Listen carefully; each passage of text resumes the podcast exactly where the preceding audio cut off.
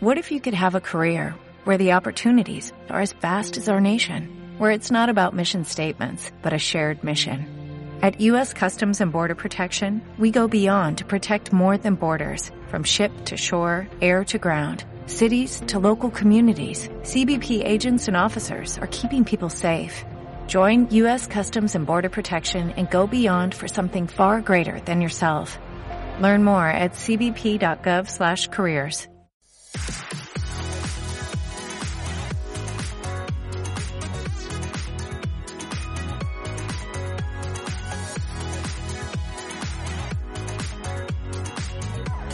dia Terres de l'Ebre, amb Leonor Bertomeu.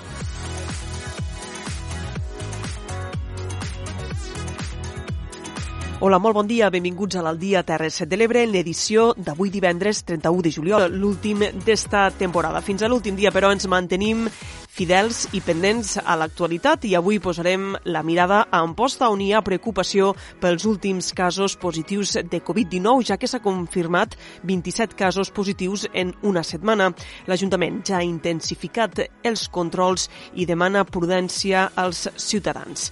Posem-nos eh, tot seguit ja en el programa d'avui, insistim l'últim de la temporada i el que farem serà recordar en primer lloc el nom de totes les persones que el fem possible i que són Tere Giné i Clara a seguir de la Plana Ràdio, Núria Mora, Clàudia Ruiz i Xavier Falcó des de Ràdio Tortosa, Laia Oltra, Francesc Callau i Daniel Rodríguez des de la Cala Ràdio, Judit Castells i Jonathan Valls des de Ràdio Joventut, Eduard Carmona des de Ràdio Delta i Tomàs Ginestra, Jordi Galo i Manel Ramon des de Amposta Ràdio. I ara, com cada dia, començarem el programa amb el repàs als titulars més destacats d'avui divendres 31 de juliol.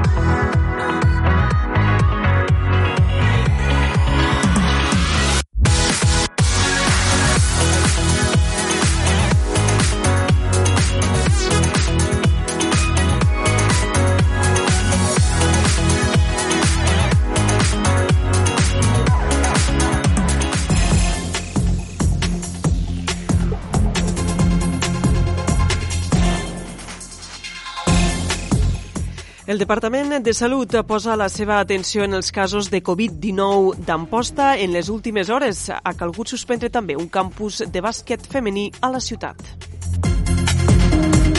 L'Ajuntament d'Amposta ja ha anunciat que intensificarà els controls de les mesures de seguretat per a evitar nous contagis. Santa Bàrbara reobre avui l'Ajuntament sota mínims a l'espera de les proves PCR realitzades a tots els treballadors després del positiu d'un empleat. Empreses i autònoms de Tortosa ja poden sol·licitar l'ajut de 400 euros a l'Ajuntament per a compensar la davallada d'ingressos per la Covid-19. S'inicia el tràmit per autoritzar el segellat definitiu del magatzem submarí del Castor. L'Hospital de Tortosa Verge de la Cinta incorpora als seus serveis la reproducció assistida concretament a través de la tècnica d'inseminació artificial conjugal la més senzilla i menys invasiva. L'ampolla posa a disposició de la ciutadania 4.000 cendres de platja biodegradables.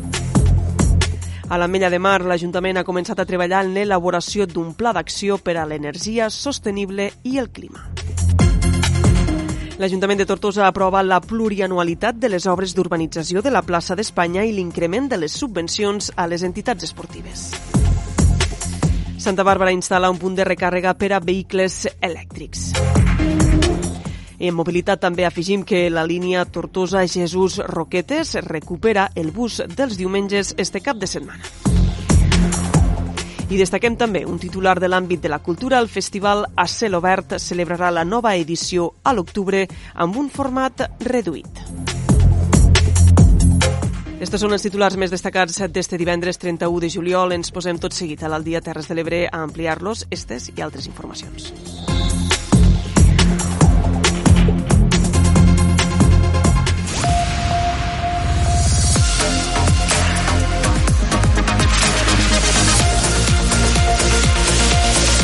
Al dia, les notícies de les Terres de l'Ebre. El Departament de Salut ha posat la seva atenció en els casos de Covid-19 d'Amposta davant l'increment de l'índex de reproducció del virus que és superior a 4. En les últimes hores s'ha hagut de suspendre fins i tot un campus de bàsquet femení degut a l'aparició d'un nou positiu, el que ha obligat a fer proves PCR a totes les participants i els tècnics. Ens amplia esta informació Manel Ramon des d'Amposta Ràdio. Doncs així és. El Covid-19 continua sent notícia en posta. El Centre de Tecnificació Esportiva de les Terres de l'Ebre, a la capital del Montsià, ha decidit suspendre el campus de bàsquet femení Winners davant d'un cas positiu de la Covid-19. Segons va informar l'Ajuntament d'Amposta, el passat dimarts, una de les participants del campus, que havia arribat a Amposta diumenge, procedent de Barcelona, va retornar a casa seva perquè la seva mare havia donat positiu en una prova PCR. Un cop allí se li va fer la prova, que va resultar positiva.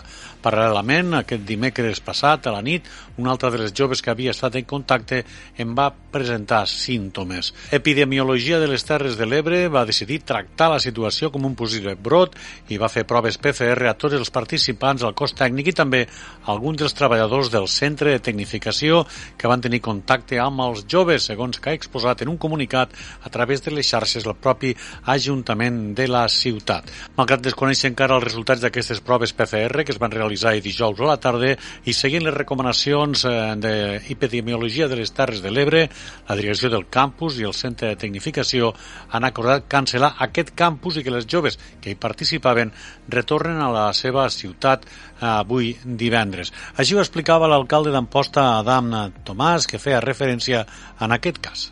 Eh, el campus Winner és una noia que, que del campus que es va començar va vindre de fora i estava pendent de que a sa mare li, li havien fet la prova i a ella també i resulta que va vindre aquí tot just va saber el positiu i va estar, no sé si va estar dues hores al campus, eh? no, no va estar més i va marxar i ja està i que va fer salut, se va curar en salut va agafar i va dir eh, pues bueno, clausurem lo, lo campus Winner però el campus Winner no deixa de ser una concentració de, de gent de fora que ve i es tanquen a la residència d'esportistes i juguen, a, i juguen a, a, a bàsquet. És el mateix que tenim ara mateix la selecció espanyola femenina de rem que la tenim concentrada. Pues han tingut unes noies que resulta que tenien diarrera se'ls va fer la prova i va sortir negatiu. és L'alcalde d'Amposta, Adam Tomàs, ha recordat que el centre de tecnificació, però, no ha tancat les seves portes i recorda que la situació, tots i els brots que han aparegut a la capital del Montsià, que solen ser d'àmbit familiar, està totalment controlat de moment. I a aquesta informació afegim que l'Ajuntament d'Amposta ha anunciat este matí que intensificarà les mesures de control i prevenció per a evitar nous contagis a la ciutat després de produir-se 27 positius en només una setmana. En un comunicat, l'alcalde ha anunciat que s'augmentarà la presència de policia al carrer per assegurar que tothom compleix amb les mesures de seguretat i ha insistit que el repunt de contagis ha vingut produït en l'àmbit familiar on diu tothom s'ha relaxat. I d'Amposta a Santa Bàrbara, on l'Ajuntament està pendent dels resultats de les proves PCR als treballadors de l'Ajuntament que han estat en contacte amb l'empleat que ha donat positiu, el que va obligar a tancar ahir les dependències municipals. La regidora de Salut, Laia Pla, ha explicat que ha calgut fer tornar el personal de, de vacances per reobrir avui l'Ajuntament, una situació que es mantindrà encara uns dies. Per això ha demanat a la ciutadania que intenten la mesura del possible evitar anar a les oficines i optar pel telèfon i per la via telemàtica per a fer les consultes. I es van fer la prova tots els treballadors de l'Ajuntament. Ara estem pendents de resultat i de moment ho hem distribuït.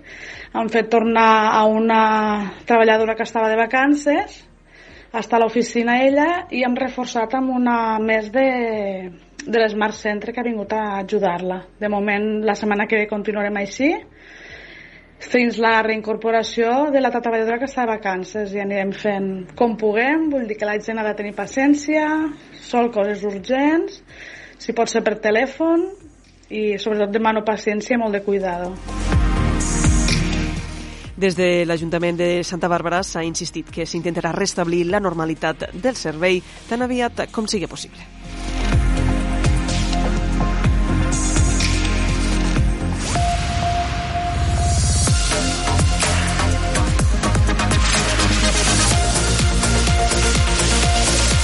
Al dia. L'Ajuntament de Tortosa concedirà a través d'una nova línia d'ajuts fins a 400 euros per empresa o per autònom que, i que es pot sol·licitar ja a partir d'avui divendres. Servirà per suplir les despeses ocasionades per la pandèmia o pagar alguns tributs com la quota d'autònom. Se'n podran beneficiar aquells professionals que van haver d'aturar la seva activitat durant l'estat d'alarma. Té més detalls a Clàudia Ruiz, des de Ràdio Tortosa. Aquelles empreses o autònoms que vulguin beneficiar-se d'aquests 400 euros ho podran sol·licitar a partir d'aquest divendres 31 de juliol i fins a finals d'any o bé fins que s'esgoti la partida pressupostària. L'Ajuntament hi destinarà un total de 350.000 euros perquè així s'hi puguin adherir unes 800 empreses i autònoms del sector de la restauració, comerços, hostaleria, turisme i educació. L'alcalde de la ciutat, Meritxell Roger, ha detallat els conceptes als quals s'hi podrà destinar aquest ajut. Els conceptes que poden subvencionar són lloguers o despeses hipotecàries associades a l'establiment comercial, les quotes d'autònom i seguretat social que tenen a càrrec de l'empresa en el cas de tenir assalariats, també els interessos de préstec concedit en el marc de les ajudes de finançament de la situació de la Covid, despeses relacionades amb la digitalització del negoci per establir el comerç en línia o per adquirir equipament informàtic, també aquelles despeses que hagin tingut per a protecció de la plantilla, la clientela, amb empares, EPIs, etc. També campanyes de màrqueting i publicitat amb el període d'estat d'alarma o posteriorment i despeses de subministrament energètic i també de telecomunicacions. Les sol·licituds es podran realitzar via telemàtica a través del certificat digital. L'Ajuntament també oferirà la possibilitat de fer la sol·licitud de forma presencial sempre i quan es demani una cita prèvia per telèfon i no sigui possible fer-ho a través d'internet. Roger ha remarcat que aquesta ajuda suma a d'altres ja realitzades, com l'ajornament d'impostos. L'escoltem. En tot cas, recordem que al seu moment vam ajornar tot el pagament de, dels impostos per tal de que no hi hagués cap pagament d'impostos durant tot aquest període. A banda d'això, també vam poder fer unes, uns ajornaments pel que fa al pagament de l'aigua i també un pagament a sis mesos sense interessos. I també el que vam fer va ser deixar de pagar a partir de, de l'estat d'alarma tot el que feia referència a taules i cadires i també eh, per a les fires dels dilluns i, i dels divendres i també les escombraries eh, comercials. Per tant, l'objectiu és que almenys des de l'Ajuntament puguem ajudar a, tota, a tot el sector, en aquest sector que, que tant ha patit aquesta situació econòmica. L'alcaldessa ha clarificat que aquest ajut s'atorgarà a mesura que vagin entrant les sol·licitud i no s'esperaran a que totes es trobin registrades. Ens ocupem ara d'altres qüestions a l'Aldia Terres de l'Ebre. La subdelegació del govern espanyol a Castelló ha sotmès a informació pública el tràmit per a l'autorització administrativa dels treballs de segellat i abandó definitiu dels pous del magatzem submarí de gas del projecte Castor i el corresponent estudi d'impacte ambiental. El novembre passat, el Consell de Ministre posava fi a la hibernació de les instal·lacions del Castor i no ordenava el desmantellament, que té com a primera fase el segellat dels pous. Les feines es van encomanar demanar a Enagas, que tenia sis mesos per remetre la documentació tècnica necessària per iniciar l'autorització. Se segellaran 13 pous del magatzem submarí del Castor localitzats a 21,6 quilòmetres de la costa ebrenca i castellonenca i a uns 60 metres de profunditat. La petició que se sotmet a informació pública des de finals del mes de juny és l'informe d'impacte ambiental i la documentació tècnica que Enagas ha presentat per als treballs de segellat i tancament definitiu dels pous d'emmagatzematge submarí del gas del projecte Castor. L'execució dels treballs per segellar els pous s'allargarà entre 6 i 8 mesos. Per tancar-los s'han de retirar els taps superiors, netejar i reposar els taps mecànics, cimentar i recuperar les, les canonades de pous i revestiments, retirar i desmobilitzar la unitat d'operació i restaurar el fons marí.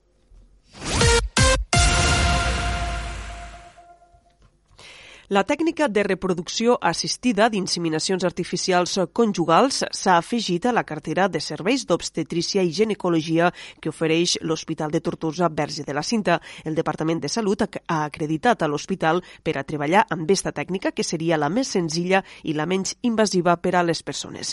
Té tots els detalls, Júlia Alvesa. L'Hospital Verge de la Cinta de Tortosa ha obtingut l'acreditació del Departament de Salut per realitzar inseminació artificial conjugal, una tècnica que ja realitzava. És un servei que cada cop hi ha més demanda perquè avui en dia les dones retarden el moment de la seva maternitat. De tècniques de reproducció van en augment perquè la gent se planteja la maternitat més tardadament i, a més a més, en aquell moment convé que sigui ja perquè ja tenen una edat i, i, i si es fa més grans doncs veuen que, que, que l'horitzó es fa fosc. No? Per l'altra banda, eh, ens trobem que, que al tindre més edat doncs potser eh, són més candidates a, a anar a fecundació in vitro més que no pas a inseminació. Aquesta tècnica és la més senzilla, menys invasiva i més segura per a les parelles que s'hi sotmeten i té una taxa d'èxit similar al que té una parella normal sana quan realitza relacions desprotegides.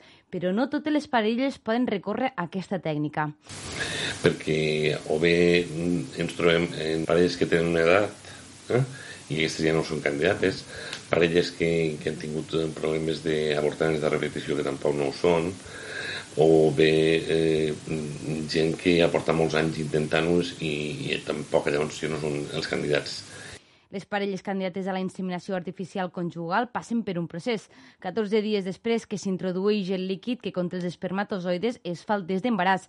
En cas de negativitat, es repeteix dos dies després i si persisteix negatiu es deixa la progesterona i es planifica un nou cicle d'estimulació immediat, si és possible. Ens centrem ara en la crònica municipal. El ple de l'Ajuntament de Tortosa ha aprovat este matí la distribució plurianual de la despesa per a l'obra d'urbanització de la plaça d'Espanya i els carrers adjacents. També s'ha aprovat la modificació de les bases de les subvencions a les entitats esportives que dupliquen la partida econòmica. Té tots els detalls, Núria Mora. La sessió plenària de caràcter extraordinari celebrada aquest matí a l'Ajuntament de Tortosa ha donat llum verd a la plurianualitat de les obres d'urbanització de la plaça d'Espanya i dels carrers Manuel Vilà, Travessera de Santa Teresa, Lluís Millet, Naperona i Enric Bayerri.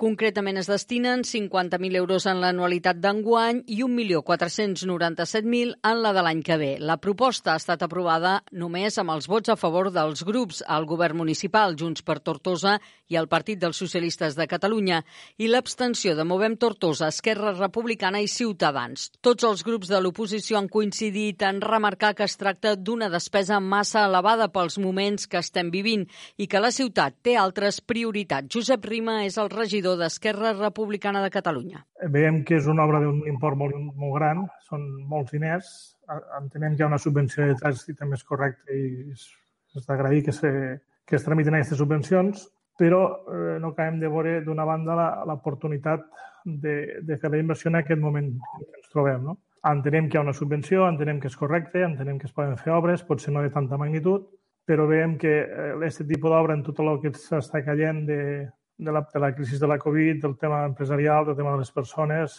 pues no, és un, no és una inversió que penséssim sigui el moment adequat de fer-la. D'altra banda, també ens sumem al que deia el senyor Bacar, de que hi ha molts llocs de la ciutat per fer obra, pot ser més urgent que aquesta. L'alcaldessa de Tortosa, Meritxell Roger, ha defensat que la urbanització i la conversió en zona de vianants de la plaça de l'Ajuntament i dels carrers que l'envolten és una actuació molt demandada per la Federació de Comerç i ha recordat que l'obra pública també genera riquesa a la ciutat una obra que sí que té un cost important, és cert, però és que no és només una plaça, és una plaça, cinc carrers i més de 3.000 metres quadrats d'actuació que fa que, a més a més, sigui una petició eh, lligada també a la situació que hi ha ara, que és eh, incidir en la via pública i en la peatonalització i crear espais més per a, per a les persones i no tant per als vehicles. Aquest és l'objectiu també d'esta obra, a més a més de ser una obra molt demandada per la mateixa Federació de Comerç de, de la ciutat.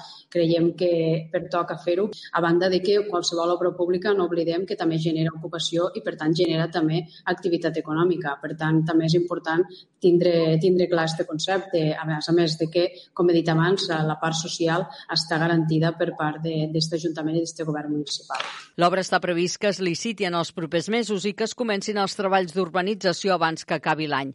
D'altra banda, el ple extraordinari celebrat aquest matí ha servit també per aprovar la modificació de les bases per la concessió de subvencions a les entitats esportives de la ciutat. Concretament, enguany, el govern municipal ha decidit duplicar la partida destinada a aquestes subvencions i es passa dels 27.000 euros als 60.000, amb l'objectiu d'ajudar a aquests clubs esportius que també s'han vist afectats per la situació generada arran de la pandèmia. Un altre dels punts, que també s'ha aprovat en el ple extraordinari d'avui, ha estat una redistribució del superàvit per la reducció de l'endeutament en 200.000 euros i una partida de 100.000 euros per adquirir vehicles elèctrics, tal i com permet actualment la normativa estatal.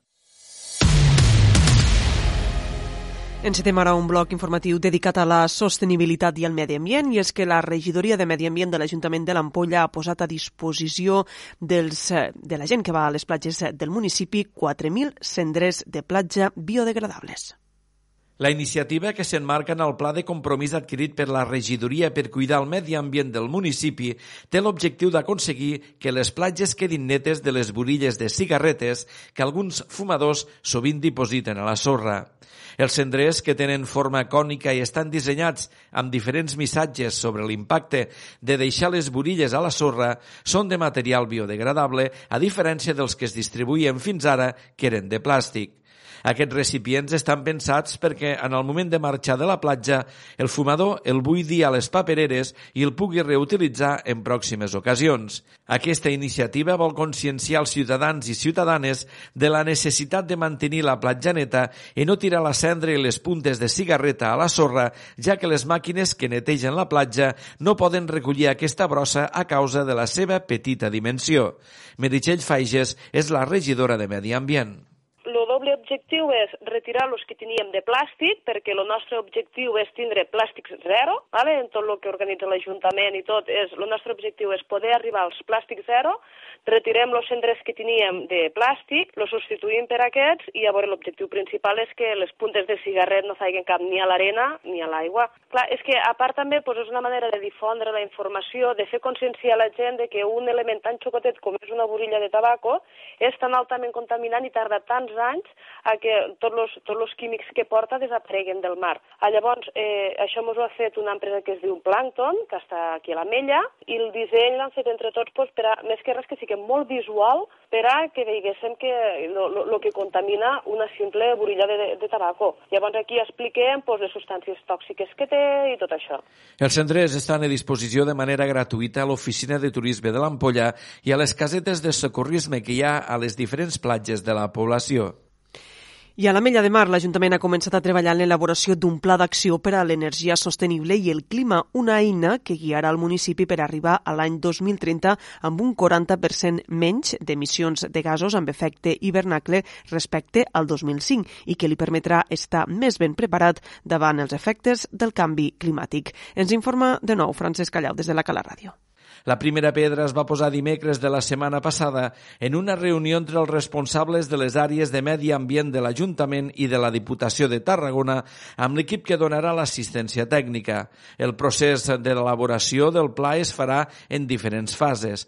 La primera consistirà en l'elaboració d'un inventari de consums energètics i d'emissions de gasos amb efecte d'hivernacle associades als principals sectors d'activitat i en la realització d'avaluacions energètiques a diversos equipaments municipals, a més d'analitzar quina és la vulnerabilitat de la mella de mar als efectes del canvi climàtic. Aquesta fase permetrà analitzar la situació actual de la població i definir l'estratègia d'actuació per tal de reduir les emissions de gasos amb efecte d'hivernacle i alhora millorar la seva resiliència, és a dir, la capacitat que té el municipi per adaptar-se als efectes del canvi climàtic. Amb els resultats d'aquesta primera fase es definiran accions tant en l'àmbit municipal com del mateix Ajuntament per actuar en camps com el foment de la mobilitat sostenible, l'estalvi energètic en les llars i en l'enllumenat públic o l'aplicació de mesures de millora energètica als edificis de titularitat municipal, entre altres mesures. Un dels aspectes importants en el procés de definició de les accions del Pla d'Acció per a l'Energia Sostenible i el Clima serà la participació dels diferents actors locals. Per això s'incorporarà un procés de participació i comunicació tant en l'àmbit del mateix consistori com de la ciutadania en general de la Mella de Mar. Aquest pla és un dels elements fonamentals per aconseguir els objectius que marca el Pacte dels Alcaldes per Clima i l'Energia, una iniciativa de la Comissió Europea que impulsa la lluita contra el canvi climàtic a escala local i de la qual l'Ajuntament se'n va amb un acord de ple l'any passat. I els parlem ara de mobilitat sostenible. Santa Bàrbara s'ha sumat a les poblacions que ja disposen de punts de recàrrega per a vehicles elèctrics. Ens informa Clara Seguí. Així és, el consistori Plane ha instal·lat un equip de recàrrega de bateries per vehicles elèctrics. El lloc d'emplaçament està situat al carrer Verge de Montserrat, enfront de la miniclínica. Es tracta d'un equip de recàrrega semiràpida de 400 watts, 32 ampers i 22 quilowatts de potència. Té capacitat per carregar dos vehicles de forma simultània i el temps de recàrrega és d'entre 2 i 4 hores segons el vehicle, capacitat de la bateria i nivell de càrrega amb el que arriba el vehicle. Per activar aquest carregador es pot fer mitjançant la targeta RFID de l'Ajuntament de Santa Bàrbara o amb una targeta de l'Aliança dels Municipis per la Interoperabilitat. També es pot activar mitjançant l'APP IFShares. Ara resta passar la revisió final per tal d'assegurar-se que es compleixen totes les condicions de seguretat exigides i posada en marxa de l'aparell que efectuarà el personal de l'empresa instal·ladora properament. I seguim parlant de mobilitat. La línia 1 de bus interurbà Tortosa-Jesús-Roquetes tornarà a funcionar en diumenges a partir d'este cap de setmana, segons ha assegurat l'alcaldessa de Tortosa. Recordem que esta setmana la formació política Movem havia denunciat que el servei no es prestava i que no s'havia informat a la ciutadania. Ens ho explica tot plegat Núria Mora. Segons ha explicat l'alcaldessa de Tortosa, Meritxell Roger, el Departament de Territori i Sostenibilitat de la Generalitat, de qui és competència aquesta línia interurbana, ha anat restablint de forma progressiva els serveis de transport que es van reduir arran de l'estat d'alarma a tot Catalunya.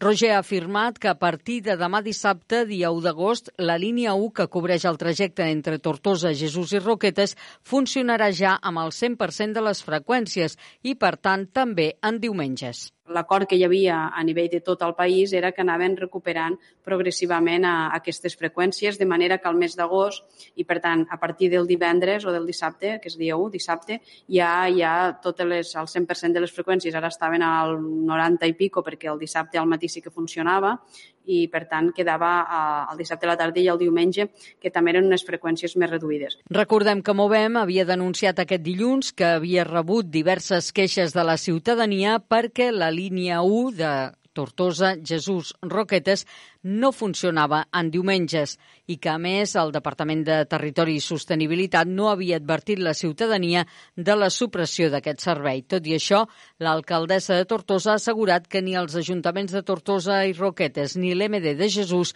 havien rebut cap queixa en relació a la línia 1.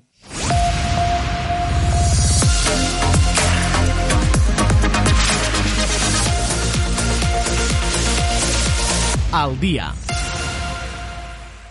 Una de la tarda, gairebé 31 minuts, obrim la plana cultural a l'Aldia Terres de l'Ebre. El Festival d'Art Efímer a cel obert celebrarà l'edició del 2020 amb un format reduït i de transició entre el 9 i l'11 d'octubre.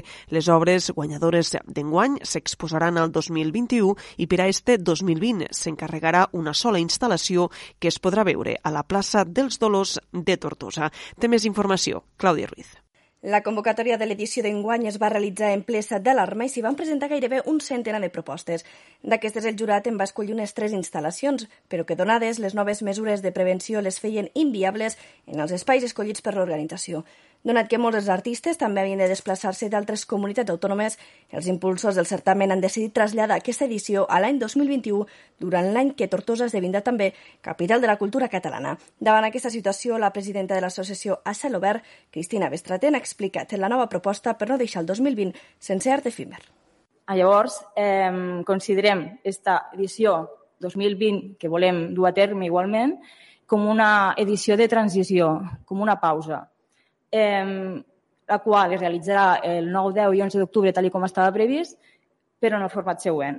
Per una banda, tindrem una única instal·lació, eh, serà d'un artista invitat i s'ubicarà en un espai públic també de, de caire històric, un espai patrimonial, i d'aquesta manera creiem que les mesures de seguretat seran molt més fàcil de complir-se. Estarà obert 24 hores al dia, els tres dies seguits, i en quant a aforament, tot això serà molt fàcil de controlar.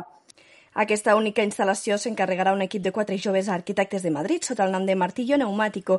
La seva principal característica és que treballen a partir de material de construcció. L'edició d'enguany serà, per tant, una petita pausa per al festival que, segons Bestraten, servirà per realitzar una retrospectiva de tots aquests darrers anys. Per això recolliran en format d'exposició totes les instal·lacions que han participat en edicions anteriors i que es podrà veure durant el festival al pati del Museu de Tortosa. Per la seva banda, el regidor de Cultura de Tortosa, Enric Roig, ha remarcat que ja treballen perquè l'edició del 2021 sigui més especial. Volem redefinir el, el, el certamen i, evidentment, el que, el, que, el que volem és, per un costat, comptar amb els premiats d'aquest any, perquè, evidentment, eh, no seria de justícia que els que sí que realment han sigut eh, premiats aquest any no estessin, però a vegades redefinirem, com no podia ser d'una altra manera, eh, envers la capital de la cultura catalana i comptant ja en que la vuitena edició ja és quasi, quasi una majoria d'edat, no són 10, però són quasi majoria d'edat, com per a que el certament a cel obert ocupa un paper rellevant, per tant, en aquest sentit estem replantejant a veure quins espais i com. I segurament recuperar espais que en els últims anys s'han deixat o bé buscar-ne de nous, que és l'objectiu que sempre anem buscant, buscar nous espais que poguéssim introduir i que, per tant, ens donen riquesa. I, evidentment, en l'edició d'aquest octubre de 2020 no hi podran participar, com altres anys, les escoles de la ciutat. D'altra banda, també els expliquem que els autors del llibre Generació Lo riu és vida han donat el 50% dels drets d'autor aconseguits amb la venda del llibre a la plataforma Rebrotem, que va sorgir arran de l'incendi de la Ribera d'Ebre. Té més detalls, Júlia Alvesa. Núria Caro i Àlex de la Guia, els autors del llibre Generació Lo Riu és Vida, donen el 50% dels drets d'autors a la plataforma Rebrotem. En total, uns 185 euros que han aconseguit després de que el llibre de la biografia del jovent en temps de lluitar a les Terres de l'Ebre, marcat amb el naixement de la plataforma en defensa de l'Ebre, estigués a les llibreries ara fa un any. Tal com vam dir a les presentacions i com vam repetir més d'una vegada al programa que vam fer a Canal Terres de l'Ebre, i tot el que ha esdevingut després, la meitat de la recaudació que hem aconseguit a través del llibre ha anat destinat a la plataforma de Rebrotem. Sí que és cert que en un primer moment vam dir que es repartiria a través de les diferents plataformes del territori que havien lluitat activament durant tots aquests anys de 18 anys de lluita. Però al trobar-nos en una situació d'excepció, com va ser el cas de l'incendi de la Ribera d'Ebre, creure oportú que aquests diners havien d'anar destinats exclusivament a aquesta plataforma per a poder ajudar al, al territori, sobretot al món rural. El llibre és un recull d'experiències dels joves que van néixer al 2000 i que han participat a diferents lluites ebrenques com la defensa del riu, però també amb les manifestacions per reclamar més infraestructures i inversions estatals i autonòmiques al territori. Rebrotem és una iniciativa del jovent de la Ribera per ajudar a reactivar el sector rural i agrícola després del gran incendi de l'any passat dues accions diferents que comparteixen la mateixa filosofia. Els diners havien d'anar destinats exclusivament a aquesta plataforma per a poder ajudar al, al territori, sobretot al món rural, a tornar a reactivar-se una altra vegada en el fet de, de reactivar una mica la, la situació i que els pagesos, ciutadans i jovens que es vulguin dedicar al món rural tinguin una altra oportunitat. Amb aquesta ajuda, els autors de la generació Lo Riu Vida volen posar el seu granet de sorra al territori. Més qüestions, deixem de banda la cultura. La Guàrdia Civil ha desmantellat una plantació de marihuana amb més de 800 plantes que estava amagada al barranc de Caramella de Roquetes. A més, ha detingut les tres persones que s'ocupaven del cultiu, tres ciutadans albanesos en situació irregular a l'Estat i els ha posat a disposició del jutjat de Guàrdia de Tortosa. La plantació es va descobrir a principis de juliol quan efectius del Seprona de la Guàrdia Civil van detectar una canalització il·legal d'aigua que abastia un nord en una zona rural allunyada del nucli urbà i que a l'interior d'un tancat hi havia un gran nombre de plantes que semblava marihuana. Finalment, la Guàrdia Civil va identificar les tres persones que hi havia a l'accés a la parcel·la, els quals van facilitar l'accés a l'habitatge i al terreny on hi havia la plantació. Dins la casa van trobar una habitació on s'assecaven 100 plantes de marihuana i 20 quilos de capdells. A fora també van trobar diverses torretes amb plantes de marihuana i eines per al cultiu. I el passat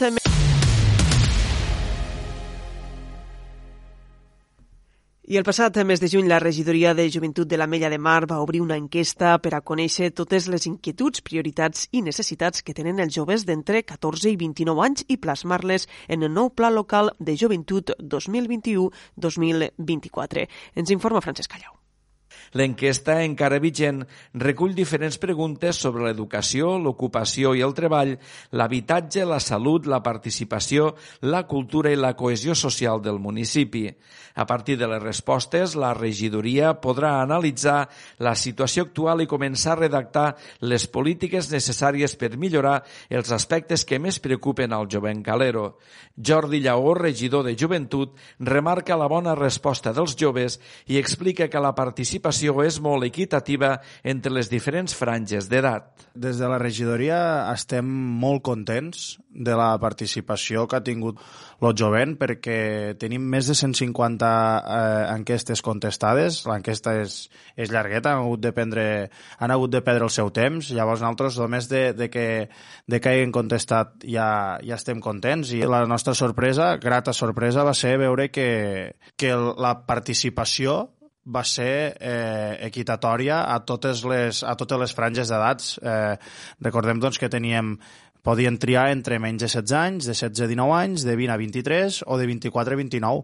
Llavors, pues, el que et comento, la, la sorpresa va ser veure que, que teníem, que estaven les, les estadístiques eh, ben, molt ben repartides. Aquest és el primer pas per redactar el nou Pla Local de Joventut que entrarà en vigor el mes de gener de 2021 i serà vigent fins al 2024. Ens expliquem més qüestions. La regidoria de turisme de l'entitat municipal descentralitzada dels Montells ha dut a terme uns treballs de millora dels accessos i de netejar la platja de la Platjola. La neteja de l'espai, que es farà amb més freqüència, vol també preservar els espais de saladars i soses que hi ha en este paratge natural. Ens informa Andreu Miralles. L'entitat municipal descentralitzada dels Montells ha acabat els treballs de millora d'accés a la platja de la Platjola. També s'ha realitzat una neteja general de tot l'espai. És la primera vegada que s'estan duent a terme treballs de millora per part de l'MD. Es pretén facilitar l'accés i donar una millor imatge als usuaris d'aquesta platja verge del Delta de l'Ebre.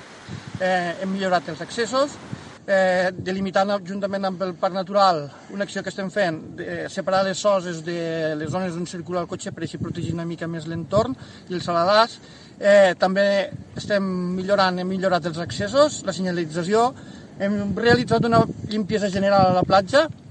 Els responsables de l'Ajuntament dels Montells han demanat la col·laboració de la ciutadania per respectar l'entorn net de deixalles i respectar els espais de saladars i sosses del paratge. Antigament, la gola de la platjola era una de les sortides del riu al mar. Es troba a continuació de la platja del Serrallo i abans d'arribar als eucaliptus. Un dels aspectes interessants és veure com el braç del mar penetra terra endins i comunica amb la llacuna.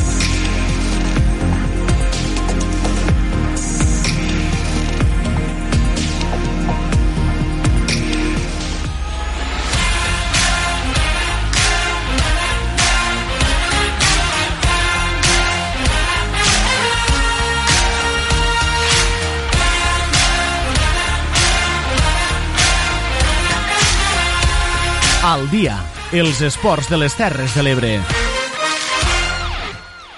L'associació esportiva La Sènia afronta la pròxima temporada a la divisió d'honor de futbol sala amb la voluntat de mantindre's a la categoria. És una crònica de Josep Pitarc. Des de la setmana passada, l'associació esportiva La Sènia, que la propera temporada jugarà a divisió d'honor, ja coneix els seus rivals i el calendari complet – Després de dos ascensos de categoria seguits, el conjunt senienc segueix confiant amb el mateix bloc de jugadors per afrontar el nou repte. Confiem al màxim en, en la plantilla que teníem, hem renovat un 80% de la plantilla i estem treballant en petits detalls per poder acabar de confeccionar aquesta plantilla i ser el més competitius possibles. Amb tot, saben que serà una temporada molt complicada.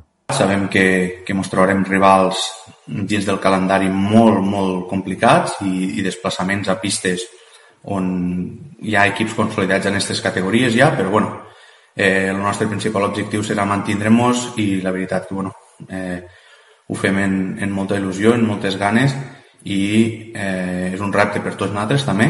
Per aconseguir l'objectiu final hi haurà dos factors claus. Que la gent ens acompanya i, i que a casa nostra sobretot siguem molt forts i podem mantindre aquesta categoria. A Divisió d'Honor, l'associació esportiva es trobarà també amb l'Amposta i el Tortosa, amb qui disputarà el primer derbi ebrenc la setmana del 7 de novembre.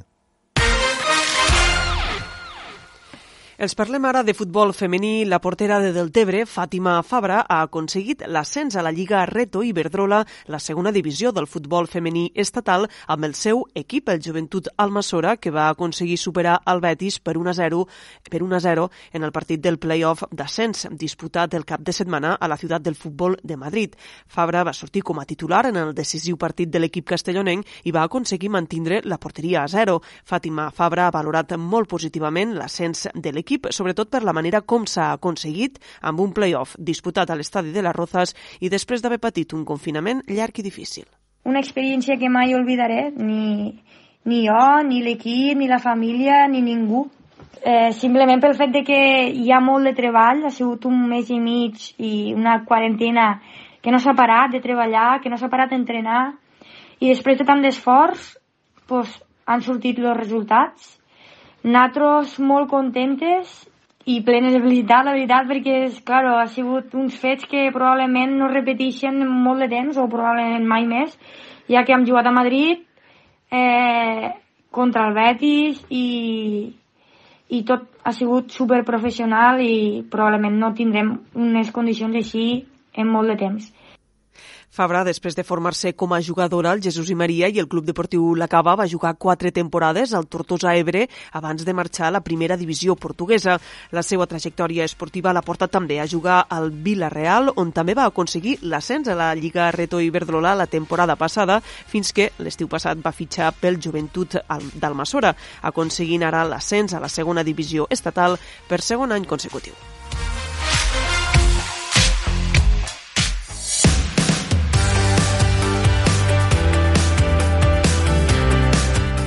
I avui, per acabar la temporada de l'Aldia Terres de l'Ebre, hem convidat a l'espai de l'entrevista al cantant i músic Arturo Gallo. Avui acaba a Poblenou del Delta el J Campus 2020, l'escola d'estiu de la música d'arrel i la cultura popular de Catalunya. Enguany ha estat una edició especial, ja que ha calgut adaptar-se a les mesures de seguretat de la Covid-19. Per saber com s'ha viscut esta edició del J Campus, saludem ja a Arturo Gaia, organitzador i professor del J Campus. Arturo Gaia, bon dia.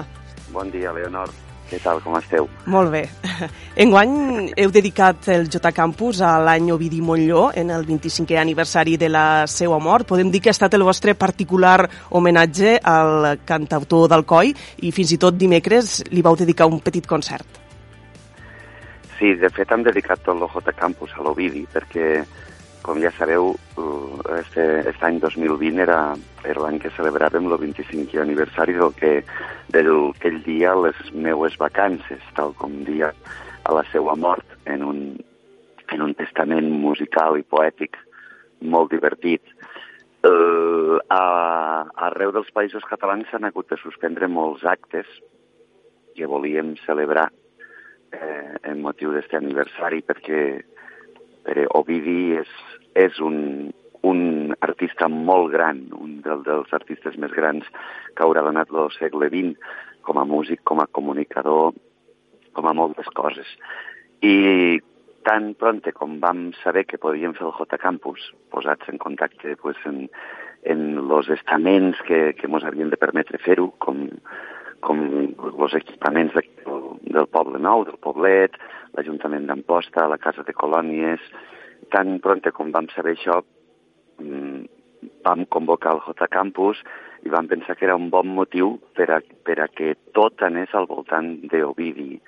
D'una banda, els mm, treballs en comú que fan els alumnes, eh, tots sonen al, al voltant de, de, de cançons del seu repertori, perquè el seu repertori dona per a molt, perquè ell va introduir els gèneres de música tradicional dins del, de l'àmbit de la cançó catalana, perquè ell va donar a conèixer alguns dels poetes en la nostra llengua i perquè, bueno, musicalment és molt ric i té moltes influències. Uh -huh. Això d'una banda. I després pues, també se li ha donat el nom al J Campus, tot ben senzill i ben alegre, tal com va encapçar la, la, la seva cançó Les meues vacances. Han fet un concert, han fet un documental, Crònica d'un artista, en fi, que només fa falta que baixe l'Ovidi. Ara t'anava a preguntar que precisament no, el lema, la frase que, que heu triat per a esta J Campus és tot ben senzill i ben alegre, eh, que forma part de la cançó Les meves vacances eh, d'Ovidi Montlló. No sé si aquesta frase també resumeix com, com ha estat enguany l'edició dels J Campus, eh, ben senzilla, i també la situació que estem vivint ara o com podem viure ara la, la cultura, no?, de manera senzilla però en alegria. Exacte, ha, ha hagut de ser tot molt senzill, d'alguna manera obligat, eh, hem hagut d'adaptar a, a, totes les, a totes les recomanacions sobre seguretat i se tractava de que en un absolut respecte sobre el que cadascú pugui pensar sobre aquesta situació tan estranya que estem vivint, pues se tractava de que tothom estés còmode, tothom, mm, tant l'alumnat, el professorat, lo veïnat del poblet que mos acull tan, tan generosament i en tant de caliu, se tractava de que tothom estés còmode, se sentís segur i, i això és el que conseqüentment porta a que sigui alegre. Eh? Hem reduït hem, havíem de reduir el número d'alumnes perquè normal, bueno, normalment ja el J Campus ja té una mesura molt humana, sempre l'havíem fixat en, en 60 persones, en 60 alumnes uh -huh. i, i 15 professors, que era un volum d'unes 75 persones que veníem aquí al, al poblet.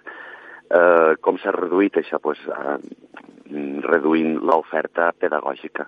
Si normalment fèiem set cursos al matí, n'han fet quatre, si normalment fèiem sis tallers a la tarda, n'han fet tres. D'esta manera s'ha reduït el número d'alumnes de 60 a 40, el, també el professorat s'ha reduït de 12 a 7, la qual cosa permet pues, eh, mantindre aquestes recomanacions de seguretat, també que la gent a la casa de colònies estigui més còmoda, que on dormien sis persones puguen dormir només dos, uh -huh. En fi, què us hem d'explicar? A més a més, Arturo, fa dues setmanes eh, els Quicos feia una edició especial de la taverna d'Enrico, el cap de setmana que s'hauria d'haver celebrat la festa del Renaixement a Tortosa. Vau titular l'espectacle Sense taverna. Jo diria, no sé si, si vis, esteu visquent un estiu sense, no? sense festes majors, sense moltíssimes coses en el món de la cultura. Sí, estem vivint un estiu molt especial, un estiu que en principi pensàvem que, que havíem perdut absolutament, però que gràcies a, a aquesta empenta que, que, que hi ha hagut en els últims dies de que la cultura és segura i de que molts de programadors s'hi han, s'hi han afegit, perquè penso que això, tot, tot el que podem estar fent a nivell cultural és gràcies a, no només gràcies a, a, a tres parts a, a, a la part artística, a la part dels organitzadors, de l'esforç immens que fan, i també al públic, perquè el públic té moltes ganes de, de música, té moltes ganes de cultura, i agraeix molt estos petits concerts, estos petits espectacles. Eh, tot i així, pues això va com va, com dia l'Ovidi, i s'està programant, una, programant i desprogramant a una setmana a la vista. Per tant, anem, anem fent, eh, anem fent, los quicos pensaven, bueno, jo, jo en general en altres coses que estic fent, pensaven que, que hauríem perdut l'estiu, però estem fent algunes cosetes. Mm, és, no, no hi ha ball a les festes majors, als pobles que s'han decidit a fer o a transformar les seues festes majors, pues no, no, no fan sessions de ball, pues, los quicos no fem ball, tothom uh -huh. ho sap, fem un concert tranquil i amable. Això facilita que, que puguem arribar a alguns llocs i, a més a més, ho fem d'una manera molt, molt sentida. Vull, tot, tots els concerts, jo crec que la gent que, que mos està escoltant sap que tots els concerts que s'estan fent aquesta temporada estan molt, molt, molt carregats d'emoció. Un altre en els, dels projectes en el que Arturo Gaia està immers és la formació Tren Siger, eh, a través de la qual reivindiqueu el llegat de Pete Siger. Eh, primer va néixer la formació l'any 2019, va fer un, un treball d'homenatge en commemoració del seu centenari de Pete Siger, vau fer concerts, diverses activitats i ara heu tret el disc, heu fet tres intents de presentar-lo, crec que finalment vau poder fer el concert, no?, a principis de juliol finalment vam poder presentar el disc. El disc va sortir el 20 de març, vull dir, més confinat impossible. Va sortir en ple confinament, va ser un d'aquells discos que, que si sonaven era pues, mm, perquè, perquè el, alguns mitjans se'n van fer, se'n van fer ressò, mm, també a través de les xarxes, i teníem, bueno, el això de que no estigui a les botigues de discos, com que tampoc hi ha massa botigues de discos, tampoc era el més, lo més important, no? Però el que sí era important era que tota la gent que havien participat en aquest projecte, entre els quals, a part de Quique Pellicer, Cati Plana, Sergi Trenzano i jo mateix, que vam fer el grup, eh, pues també teníem convidats especials com el Quico Pi de la Serra, la Gemma Humet, Joana Gomila, Jaume Arnella, Pepet i Marieta, Montse Castellà, gent d'aquí de les Terres de l'Ebre, teníem ganes de, de retrobar-nos, de, de celebrar, com a mi, quan fas un disc, eh, pues, eh, hi, ha, hi ha moltes forces, hi ha moltes energies que es posen en comú, i teníem pendent este retrobament. I sí, sí, va ser el, el quart intent. Finalment, el 7 de juliol, Sant Fermí, vam, ens vam trobar al CAT i van presentar este tren Siger. Va ser un de, a més a més, crec que va ser un dels primers actes culturals que van que van desconfinar, que van permetre fer a Barcelona. En este disc, el poder de la cançó, el que feu és eh, reinterpretar no, a Pete Seeger els grans èxits eh, de, del pare del folk. Sí, reinterpretar, actualitzar-los, fer una relectura mm, des d'una òptica actual i també en clau mediterrània, des d'una òptica actual perquè Pete Seeger eh, hi ha algunes cançons que, que són molt antigues, per exemple, què se n'ha fet d'aquelles flors, mm, naix a la guerra, quan la guerra del Vietnam. Uh -huh. Però és, és un cant antibelicista que dissortadament encara està molt vigent, no? perquè les guerres con continuen havent moltíssimes, a part de virus hi ha guerres, i estan molt maleïdes. I, per tant, hi ha, hi ha molt, molts de clams del Pete Seeger, antibelicisme, eh, lluita pels drets socials, lluita pels drets humans, fixa't que actual que sona tot, uh -huh. no? Eh, lluita mediambiental, la seva immensa lluita per la recuperació, perquè el riu Hudson, allà on ell vivia al, al costat de Nova York, fos, fos un riu on la gent se pogués banyar. És inevitable fer el paral·lelisme entre el riu Hudson i el nostre riu Ebre. Uh -huh en, en totes aquestes cançons calia, calia fer-ne una relectura i a nivell musical, mm, evidentment, pues, en clau mediterrània, en la nostra clau, en els nostres instruments, en la nostra sonoritat, eh, també, mm, també és una manera de, de ser fidels a, al desenvolupament de la música d'arrel, arreu del món. Los, les cançons naixen i es difonen sempre a partir de les sonoritats i dels instruments que la gent té en, en el seu moment, no? De vegades se diu, no? La formació... Per què heu posat... Eh, per què heu substituït lo banjo per l'acordió diatònic? Pues perquè la nostra formació tenim un acordió diatònic, no? és, és així de senzill, no? I el toquem aquí a la nostra terra. Doncs, eh, Artur, amb aquesta reivindicació a Pete Seeger, posem el punt i final a aquesta entrevista. Moltíssimes gràcies per atendre'ns i que acabeu d'acabar no, este J Campus amb, amb molt d'ànim i ben senzill i ben alegre. Moltes gràcies, Artur, i fins un altre. Moltíssimes gràcies. Bon dia. Vacances, el color negre que...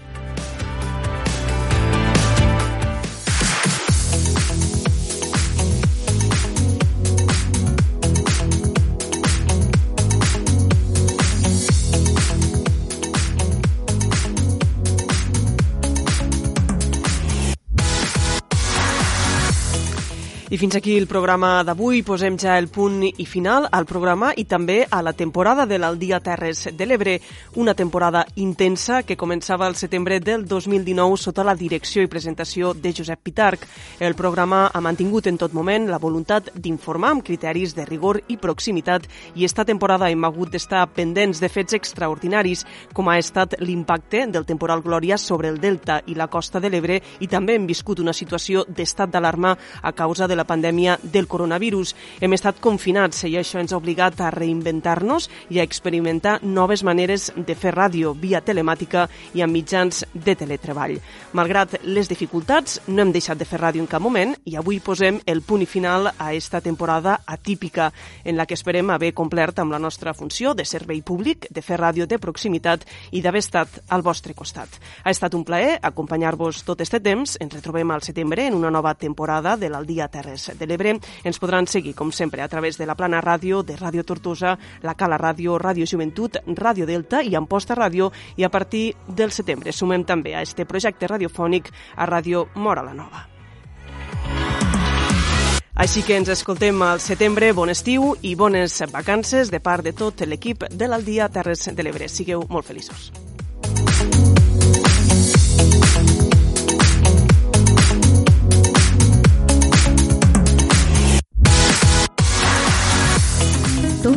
De les aventures més impressionants de la teva vida, l'experiència Tunatur. Navega en catamarà des del port de l'Ametlla de Mar a la Costa Daurada. Dona de menjar a centenars de tonyines roges salvatges i neda entre elles.